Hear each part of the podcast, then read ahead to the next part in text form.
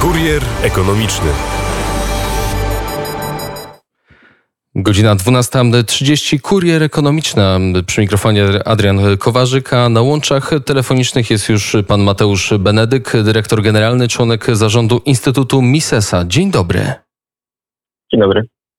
Dziś przed dwoma godzinami premier Mateusz Morawiecki z, zaprezentował zapowiadaną wcześniej tarczę antyputinowską. Tak naprawdę to są zmiany, które, które zmieniają, wydaje się, polski ład, czyli ten program, który wzbudził nieco kontrowersji na początku roku i pod koniec poprzedniego. Z dzisiejszej konferencji wydaje się, że najważniejszą informacją jest obniżenie stawki PIT z 17 do 12% dla podatników rozliczających się według e, skali. Co pan na to? No zdecydowanie to posunięcie należy ocenić e, pozytywnie.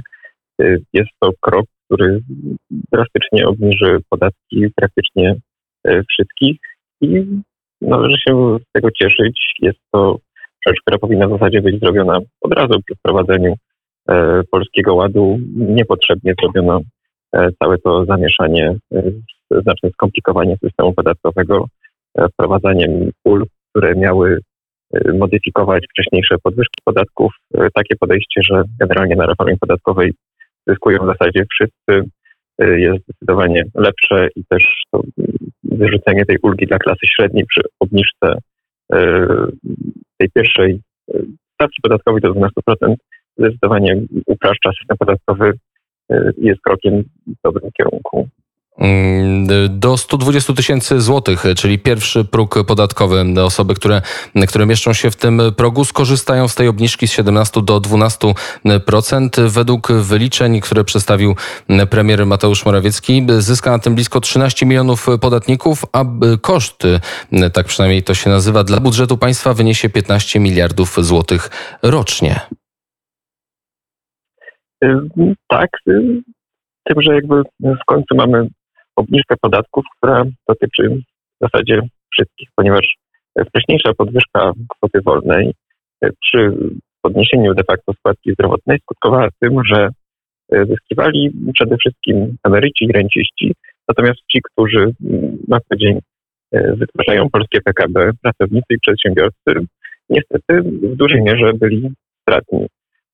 Teraz na szczęście to się odwraca i jakby będą po prostu lepsze bodźce do tego, żeby e, więcej zarabiać, wytwarzać e, więcej produktów, być bardziej produktywnym, dzięki czemu te koszty, o których dzisiaj mówimy, będą w perspektywie kilku lat zniwelowane większym wzrostem gospodarczym, większym wskaźnikiem zatrudnienia, przy tym, że po prostu w pracy będziemy zostawać dłużej, bo będzie nam się to po prostu opłacało. To do przedsiębiorców za chwilę jeszcze dojdziemy, ale także informacja o likwidacji tak zwanej ulgi dla klasy średniej. Ta zmiana ma dotyczyć ponad 3 milionów osób. Tu kontrowersje budziło to, że by, by, by, interesując się tą ulgą, nie, mieliśmy, nie mogliśmy mieć pewności, czy pod koniec roku rzeczywiście nie będziemy musieli zwrócić czegoś do budżetu, gdyż przekroczymy, nasze dochody przekroczą pewien poziom. Jaka to jest zmiana? Generalnie ta ulga miała bardzo skomplikowaną konstrukcję i y, nie dałoby się ich wytłumaczyć w takiej y, rozmowie na antenie radia, żeby ten cały algorytm y, krok po kroku przejść i spróbować powiedzieć, komu ta ulga przysługuje, w jakiej wysokości, jak ona zmienia jego obciążenia podatkowe. I wprowadzenie tak skomplikowanych elementów do systemu podatkowego, takiego powszechnego, który dotyczy kilkunastu milionów Polaków, jest czymś, no, wysoce niepożądanym. Lepiej wprowadzać właśnie niższe powszechne stawki zamiast e, skomplikowane systemy e, ulg i odliczeń. Także po to, żeby było to dla ludzi zrozumiałe, żeby wiedzieli, ile podatków płacą i żeby pewność tego, e, z jakimi podatkami będą musieli się mierzyć, będzie wyższa. To zdecydowanie mm, sprzyja temu, żeby ludzie mogli koncentrować się na pracy, a nie myśleć o tym, jaką formę ma przyjąć ich aktywność rynku, czy to ma być umowa o pracę, umowa zlecenie, czy to ma być prowadzenie własnej działalności gospodarczej, wtedy rozliczamy według jakiej skali. Im mniej czasu ludzie tracą generalnie y, na wizytach doradców podatkowych, a więcej czasu mogą poświęcić na to, w czym rzeczywiście są dobrzy w dostarczaniu dóbr i usług, które chcą kupować konsumenci na rynku, tym lepiej. Więc to, że ulga dla klasy średniej przechodzi do historii, to generalnie dobrze. No jest rekompensowane tą obniżką do 12%, więc nikt raczej nie powinien być na tym stratny.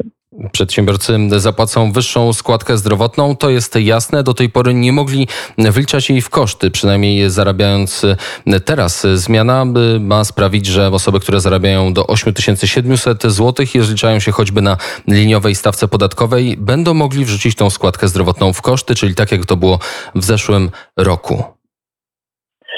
No, jest to też jakby zmiana na korzyść przedsiębiorców.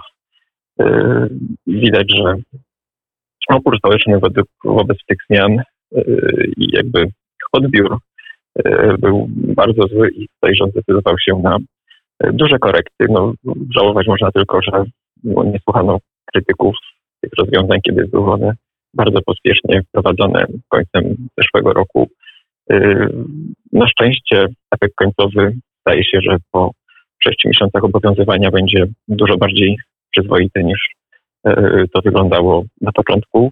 I ogólnie względem poprzedniego systemu wzrost obciążeń podatkowych będzie dotyczył no, niewielkiej liczby podatników, a raczej będą przeważały.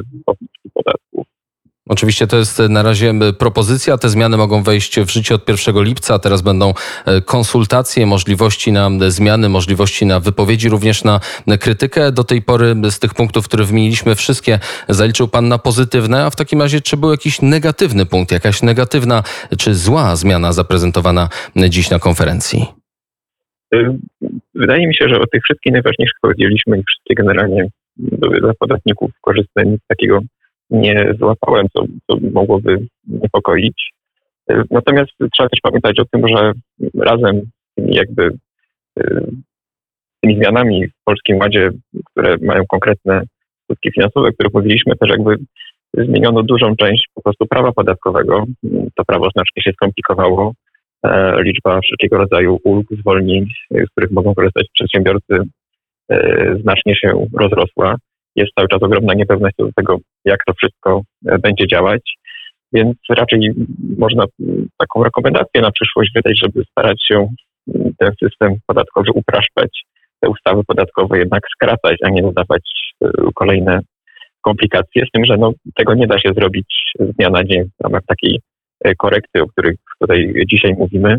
Więc to raczej jest zadanie na przyszłość, ale warto, żeby ten element znacznego skomplikowania prawa podatkowego, z którym mieliśmy do czynienia z e, końcem zeszłego roku, e, także został odkręcony, a nawet żeby to poszło dużo dalej, żeby prawo podatkowe było prostsze niż 31 e, grudnia 2021 roku.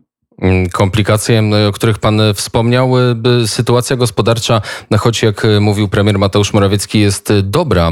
Wpływy do budżetu rosną. Wymienił, premier wymienił choćby, że wpływy od 2015 do 2021 roku wzrosły z VAT-u o ponad 93 miliardy złotych, z CIT-u o 27 miliardów, z PIT-u o 29 miliardów, ale nie, da, nie można nie wspomnieć o aktualnej sytuacji gospodarczej. Wzrost gospodarczy jest na wysokim poziomie poziomie.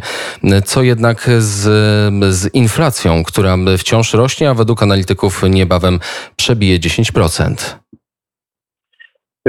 Generalnie jakby można powiedzieć, że dzięki tej inflacji rząd mógł tę korektę podatkową zrobić. To taki trochę prowokacyjny wniosek, który bym się pokusił.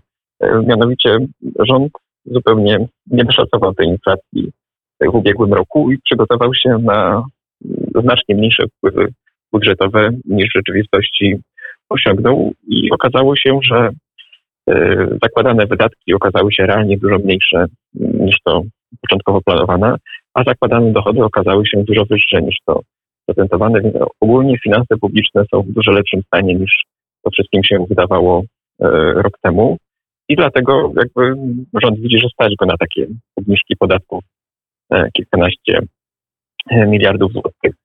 Y, no, inflacja, mam nadzieję, że jednak zacznie przechodzić y, do historii, kiedy y, rozmawialiśmy kiedyś o inflacji, to wspominałem, że no, najważniejszą przyczyną jest to, że gwałtownie wzrosła podaż pieniądza w Polsce w pierwszych miesiącach pandemii w 2020 roku I na szczęście później te wzrosty już wyraźnie przehamowały w ostatnich miesiącach. W zasadzie ta podaż pieniądza w zasadzie się już nie zmienia.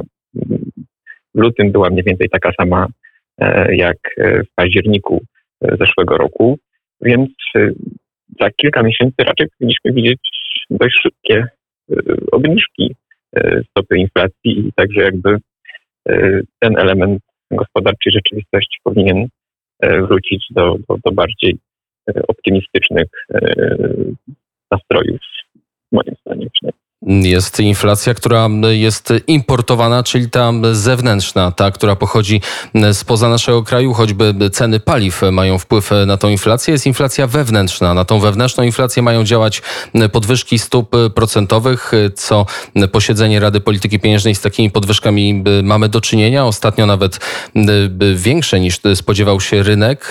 Czyli mówiąc krótko, spodziewa się pan spadku inflacji, czyli te podwyżki stóp procentowych również pana Pana zdaniem zahamują, czy tak? One jakby jeszcze to, to ten proces y, przyspieszą tych spadków. Już widać, że na przykład popyt na kredyty hipoteczne mocno spadł i suma udzielonych kredytów y, na przełomie 2021 i 2022 roku spadła. Jakby no, produkcja kredytów jest sposobem, w jaki wzrasta podaż pieniądza w gospodarce. Więc im mniej tych kredytów jest udzielanych, tym ta suma pieniądza w obiegu rośnie wolniej. E, I widać, że te, te, te, pierwsze podwyżki stóp procentowych już tak zadziałały. Kolejne jeszcze pewnie tylko ten proces e, wzmocnią. A jednocześnie mm, też chciałbym zauważyć, że e, z tą importowaną inflacją to nie jest do końca tak, ponieważ jeśli to rzeczywiście byłoby tak, że płacimy więcej za paliwa, no to mielibyśmy po prostu mniej pieniędzy na wydatki na inne dobra i usługi, tak na przykład nie wiem, na żywność, wizyty u fryzjera, etc. I wtedy jakby ceny tamtych e, usług e, czy dóbr by spadały.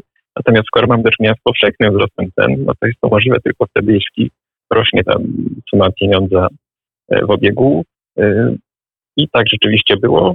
Jakby ta fala wzrostu kończy, wydaje mi się, już swoje oddziaływanie i, i sytuacja powinna zacząć się stabilizować. Powiedział Mateusz Benedyk, dyrektor generalny, członek zarządu Instytutu Misesa. Dziękuję serdecznie za rozmowę. Dziękuję. I do usłyszenia.